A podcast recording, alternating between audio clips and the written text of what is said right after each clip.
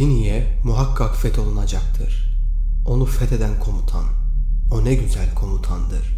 Onu fetheden askerler, onlar ne güzel askerlerdir.''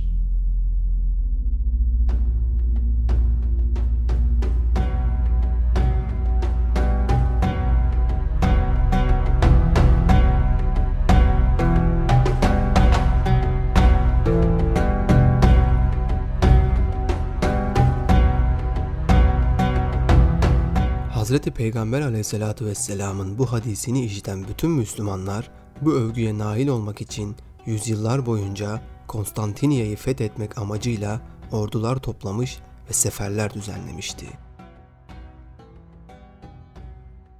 Bu seferlerin ilki Hazreti Osman döneminde yapılmıştı. Hazreti Muaviye komutasındaki İslam ordusu gemilerle İstanbul'a gelmiş ve İstanbul dolaylarında Roma ordusuyla çarpışmıştı.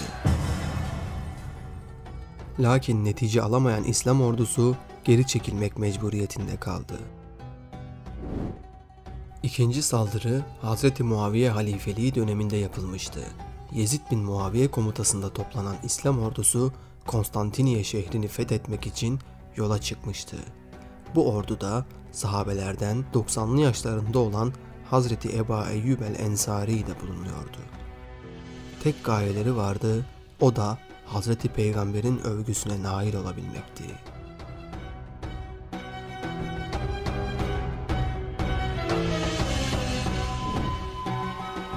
Bu kuşatma denizden ve karadan yapılmış Eba Eyyub el Ensari'nin de arasında bulunduğu birçok sahabe ve İslam mücahidi yapılan bu çarpışmalarda şehit düşmüştü. Fakat yine fetih müesser olmadı.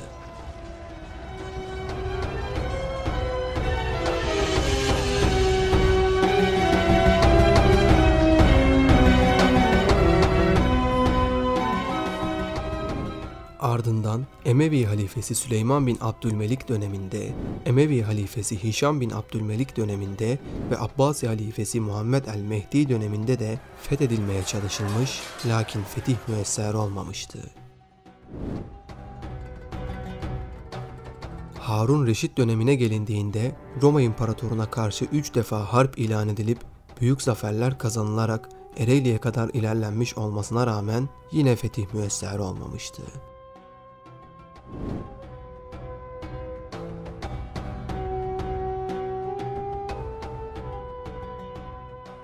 Şii Fatimilerin yükselip batıniliği yaymasıyla 200 yıl boyunca duraksayan İslam fetihleri ancak Türklerin gelişiyle yeniden başlayabilmişti.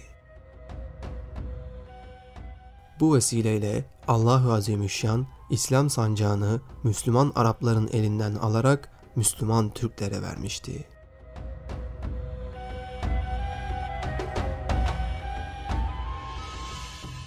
İstanbul'u kuşatan ilk Müslüman Türk hükümdar Sultan Yıldırım Bayezid olmuştu.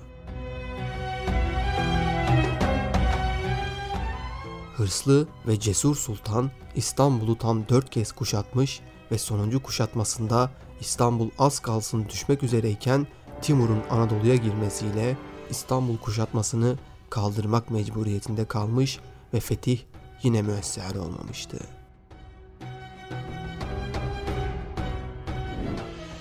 İkinci Sultan Murat döneminde İstanbul tekrar kuşatılmış ve büyük başarılar elde edilmişti. Lakin Roma İmparatorunun teşvikiyle Osmanlı'da düzmece Mustafa ayaklanması çıkıp da Karaman ve Germiyan oğulları Bursa'ya saldırınca Sultan II. Murat İstanbul kuşatmasını kaldırmak zorunda kaldı. Ancak Sultan II. Murat İstanbul'un fetih hazırlıklarını tamamlamıştı ve oğlu Sultan II. Mehmet'e yazdığı bir vasiyetnamede İstanbul'un muhakkak fethini tavsiye ve teşvik etmişti.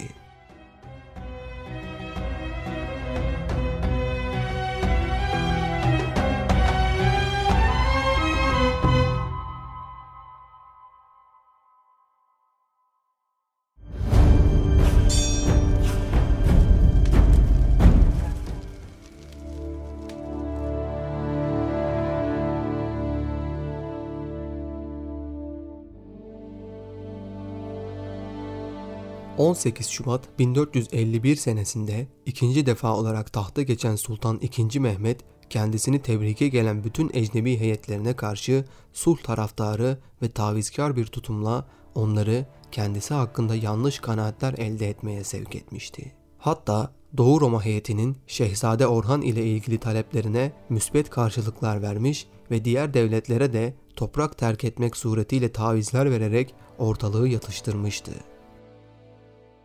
Zira o Hazreti Peygamber'in övgüsüne nail olmak, babasının vasiyetini yerine getirmek, Osmanlı Devleti'nin ortasında bir çıban başı gibi ihanet merkezi halinde kalmış bulunan Doğu Roma'yı ortadan kaldırmayı düşünmekteydi.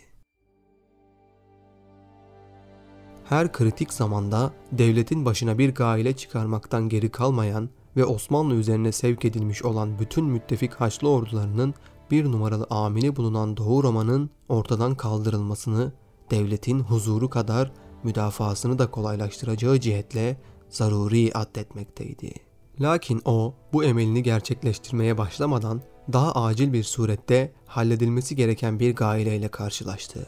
O da Osmanlı için diğer bir fitne merkezi olan Karaman Beyliği'ydi.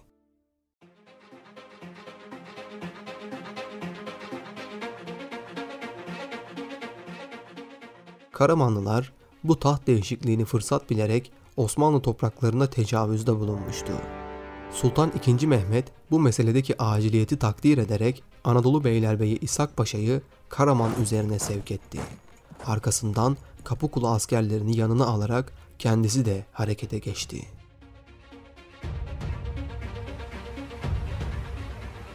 Sultan II. Mehmet ordularıyla Karamanoğlu Beyliğine vasıl olduğunda Karamanoğlu İbrahim Bey tehlikeyi fark ederek Taşeli bölgesine çekildi.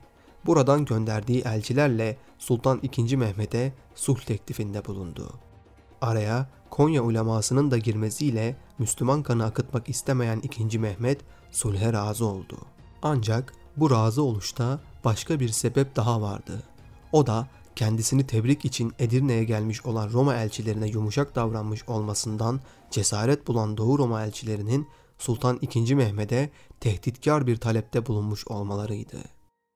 Bu talep Şehzade Orhan için taahhüt edilmiş olan 300 bin dukalık tahsisatın iki misline çıkarılması, aksi halde Orhan'ın serbest bırakılacağı tarzında bir tehditti. Bu sebeple 2. Mehmet Karamanoğullarının sulh teklifini kabul ettiği gibi Alanya kalesini de onlara bırakıp geri dönmek mecburiyetinde kaldı. Doğu Roma elçilerini ise Edirne'ye geldiğinde meseleyi halledeceğini söyleyerek savsakladı.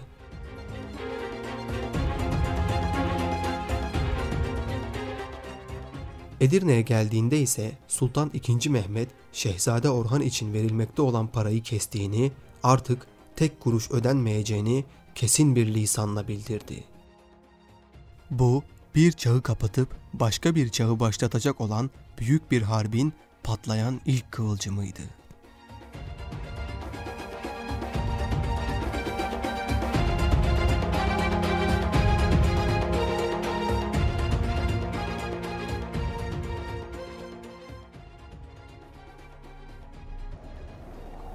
Doğu Roma küçüle küçüle adeta sırf İstanbul'dan ibaret kalmış bulunmaktaydı.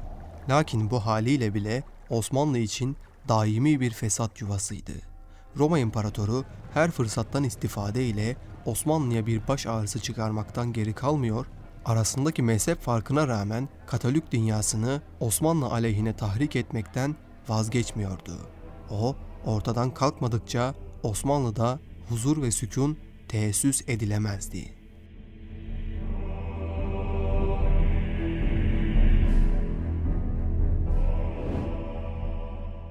Roma İmparatoru Konstantin'in Şehzade Orhan ile ilgili tehdit ve talebi Sultan II. Mehmet'e Osmanlı ve Roma arasındaki sulh anlaşmasını bozma fırsatı vermişti.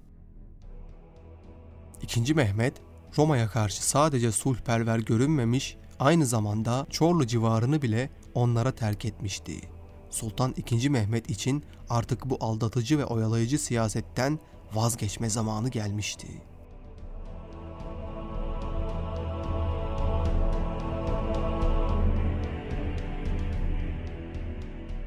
Sultan II. Mehmet büyük divanı toplayıp Roma üzerine sefer kararı almıştı bile.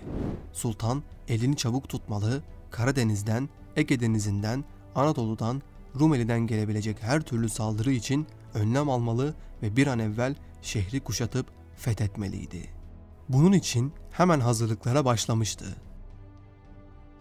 Sultan II. Mehmet ilk icraat olarak büyük dedesi Yıldırım Bayezid'in Anadolu yakasında yaptırmış olduğu Anadolu Hisarı'nın karşısına bir hisar yaptırarak girişeceği fetih hareketi sırasında Karadeniz yoluyla gelebilecek yardımı önlemek istedi. Hisar 4 ay gibi kısa bir sürede inşa edildi ve denize bakan kapılarına ve kulelerine büyük çapta toplar yerleştirildi. Bu topların menzili karşı sahile kadar ulaşıyordu.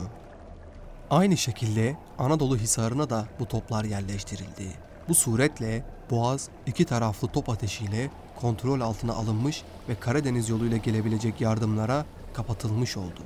Aynı zamanda Boğaz'dan geçen her gemiden vergi alınarak devlet ekonomisine ciddi katkı sağlanmaya başladı.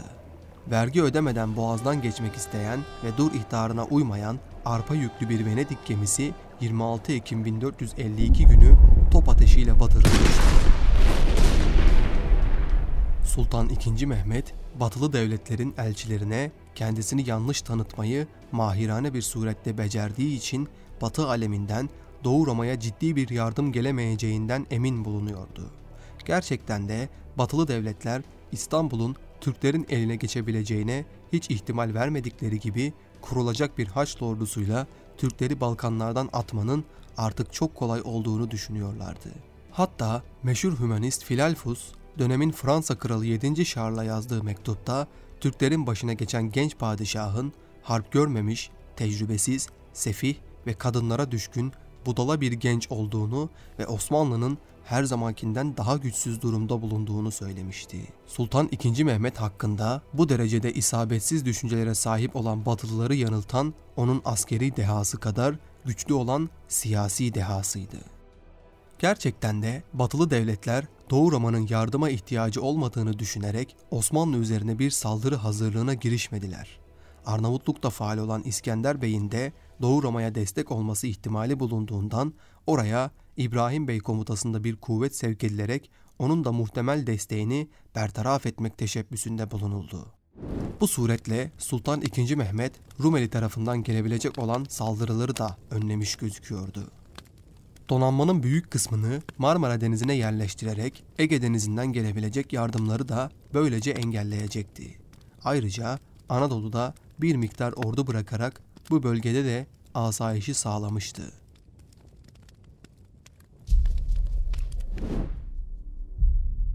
İstanbul tarih boyunca 28 kez kuşatılmış ve şehir savunmasında oldukça deneyimli hale gelmişti.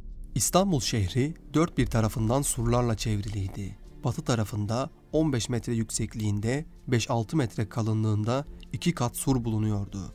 Ve burası şehrin en sağlam tarafıydı. Surların arkasındaysa derin kazıklı çukurlar, içinde su vardı. Surların en zayıf olduğu yerler ise Haliç kıyısındakilerdi. Galata'dan Sarayburnu'na uzanan devasa bir zincirle Haliç'e gemilerin girmesi engelleniyordu. Surlar çok kalın ve güçlü olduğundan 2. Mehmet Edirne'de şöhretli İstanbul surlarını yıkabilecek güçte toplar imaline başladı. Kendisi de bir top döküm ustası olan 2. Mehmet, Macar asıllı Urban adlı bir ustadan Müslehittin Bey ve Saruca adındaki mühendislerden de istifade etti. O güne kadar mevcut olmayan çapta toplar pek büyük masraf ve emeklerle meydana getirildi. Bu toplara Şahi ismi verilmişti. Menzili bir kilometreydi. Güllenin düştüğü yerde ise bir kulaç derinlikte çukurlar meydana getirdiği sabit oldu.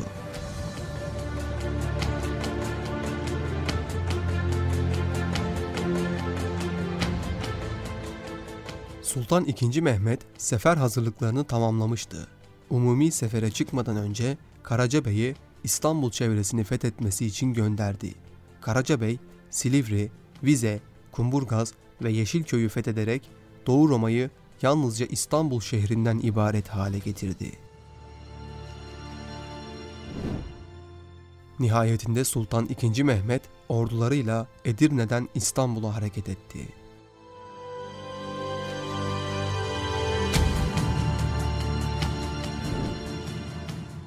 İstanbul'u müdafaa eden Rumların kuvvetini batılı yazarlar 7-8 bin olarak ifade etseler de bunun doğru olmadığı Rumların en azından 20 bine yakın askeri mevcudu olduğu muhakkaktır. Zira İstanbul'un civarı evveliyetle fethedildiğinden buranın Rum halkı kaçıp İstanbul'a sığınmış ve bunların çoğu Roma ordusuna iltihak etmişlerdi. Haliç'teki zincirin arkasında 12 Roma harp gemisi bulunmakta ve zinciri korumaktaydı. Haliç ve Marmara surlarına güvende olacağı tahmin edildiğinden sadece nöbetçiler dizilmiş, ordunun tamamına yakınıysa Edirne tarafındaki surlara konuşlandırılmıştı. Osmanlı'nın güçlü Şahi toplarına mukabil Doğu Roma'nın elinde Rum ateşi denilen silahlardan mevcuttu. Rum ateşi sıvı halde yakıcı bir maddeydi ve tulumba vasıtasıyla günümüz lav silahını andıran bir şekilde surlardan düşmana püskürtülmekteydi. Üzerine su döküldüğünde daha fazla şiddetlenmekte ve her tarafı tutuşturmaktaydı. Bunun çıkardığı yangın ancak kum ve kireç gibi maddelerle söndürülebiliyordu.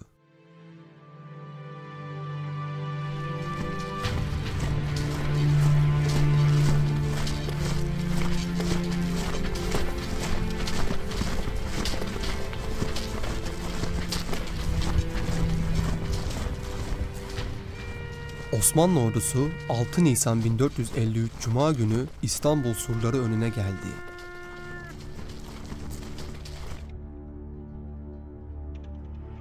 Sultan II. Mehmet daha evvelden Roma İmparatoruna elçiler göndererek teslim olması halinde altınlarıyla şehirden ayrılabileceğini ve halka asla zarar verilmeyeceğini teklif etmişti.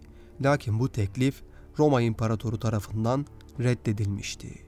İkinci Mehmet için harpten başka seçenek kalmamıştı. Şafak'la birlikte Büyük Şahi topunun ateşlenmesiyle muhasara başlamıştı.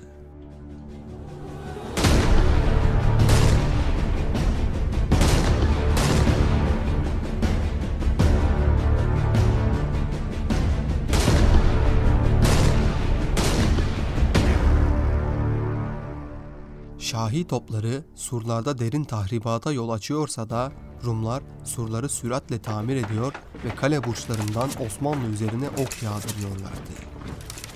Savaş kuleleri ve merdivenlerle surlara yanaşan Osmanlı askeri dehşet verici bir tabloyla karşılaştı. Rumlar surların üzerinden Rum ateşini yağdırarak savaş kulelerini ve merdivenleri yakıvermişti.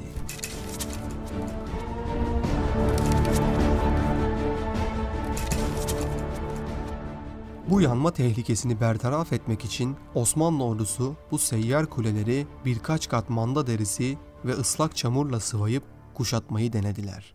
Lakin yine kulelerin yanmasına engel olamadılar. Surları aşabilmek gerçekten de güç bir olaydı.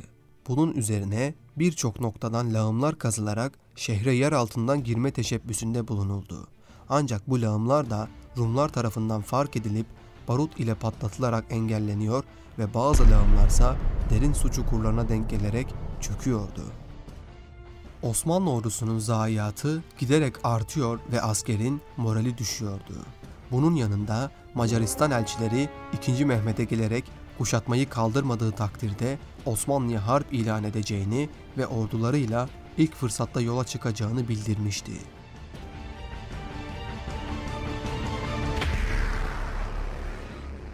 Bu haber divandakiler arasında ikilik meydana getirmişti. Bir kısım paşalar kuşatmayı kaldırmayı teklif ederken bir kısım paşalar, alimler ve evliyalar başta Akşemseddin, Sivaslı Şemseddin, Emir Buhari, Molla Fenari, Molla Gürani Hazretleri gibi dirayetli kimseler fethin kaldırılmaması yönünde fikir beyan ediyor ve orduyu manevi anlamda cesaretlendirmeye gayret ediyorlardı.''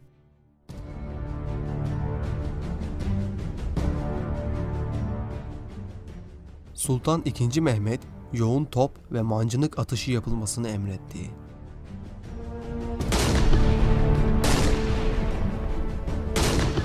Bu sırada içleri yiyecek, mühimmat ve asker dolu olan dört büyük Ceneviz ve Rum gemisi Marmara Denizi'nden İstanbul'a yaklaşmıştı.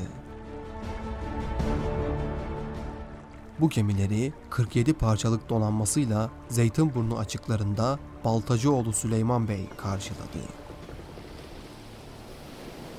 Burada çetin bir deniz savaşı başladı.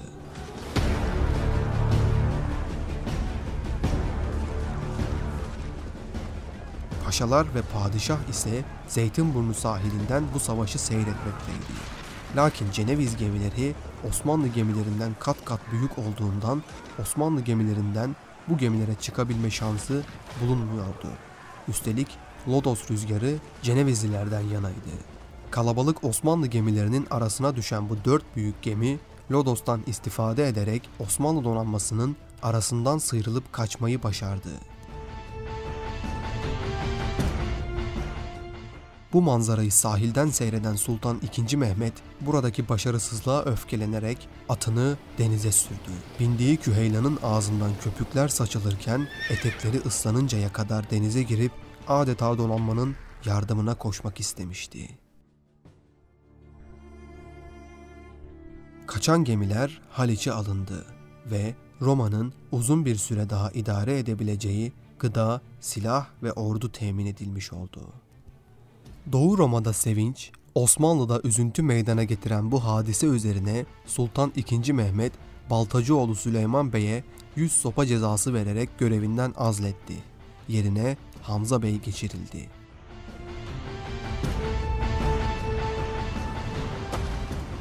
...21 Nisan'da top atışı şiddetlendirilince Topkapı tarafındaki büyük burç yıkıldı. Ertesi gün sabahına ise Rumlar şaşkınlık ve korkuyla uyandılar. Karaköy sahilinden çekilmeye başlanan 67 parçalık kalyon gemiler 3 kilometre boyunca karadan yürütülerek Kasımpaşa üzerinden Haliç'e indiriliyordu. Bu olayı seyreden Rumlar şaşkınlıktan küçük dillerini yutacak haldeydi.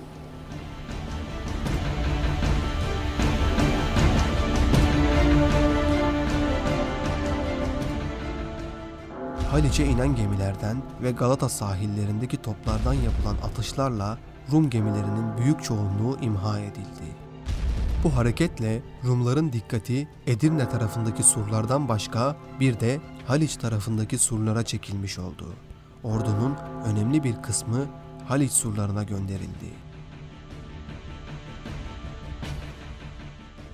Rum halkı 7'den 70'e Meryem tasvirlerini ellerinde taşıyarak sokaklarda ayinler tertip ettiler. Ellerindeki büyük, kutsal sayılan Meryem ana tasviri o gün yere düşüp parçalanmıştı. Büyük ölçüde maneviyatlarını sarsan ve uğursuzluk telakki edilen bu hadiseye ilaveten bir de ani bir yağmur ve arkasından dehşetli bir dolu bu güruhu adım atamaz hale getirmişti. Meryem Ana tasvirinin kırılmasından sonra gerçekleşen bu tabiat hadiseleri Rum halkında maneviyat namına hiçbir şey bırakmamıştı. Önceki gün İstanbul surlarında 9 yerde gedik açılmıştı. Artık imkanları tükenmiş olan Rum halkının gedikleri tamire gücü yetmiyordu. Lakin ümitsizce de olsa Rumlar son müdafalarını yapacaktı. Osmanlı ordusu ise Edirne tarafındaki surlardan asker yoğunluğunu azaltmak için donanmayı Marmara surlarına çekecek ve sahte bir çıkarma yapacaklardı. Haliç'e ise birbirine bağlı fıçılardan köprüler yapılmıştı ve Galata tarafından askerler bu fıçıların üzerinden şehre girecekti.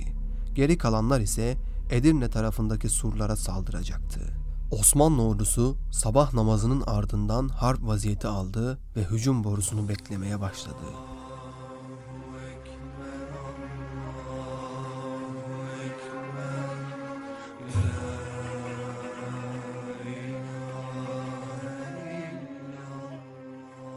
Padişah da sabah namazından sonra iki rekat nafile namaz kılarak Cenab-ı Hakk'a zafer için tazarruda bulundu. Ardından kılıcını kuşanıp atına bindi. Boruların çalınmasını emretti.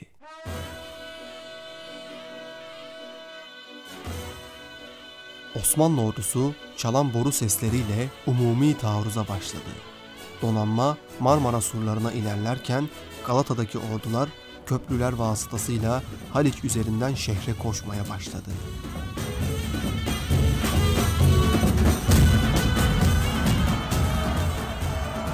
Edirne tarafındaki surlara doğru topyekün koşan Osmanlı askeri surlara çıkmaya başlamıştı bile.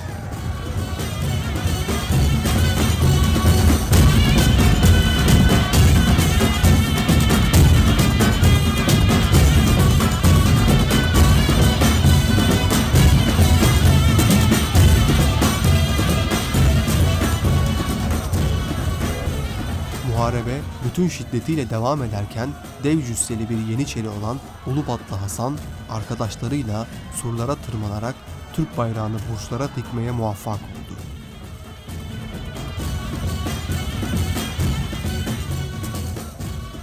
Bayrağın burçlarda dalgalandığını gören Osmanlı askeri var gücüyle surları aşarak şehre girmeyi başarmış ve çarpışmalar artık şehrin içine yayılmıştı. Rumların direnci giderek kırılıyor ve Ayasofya'ya doğru kaçışmaya başlıyorlardı.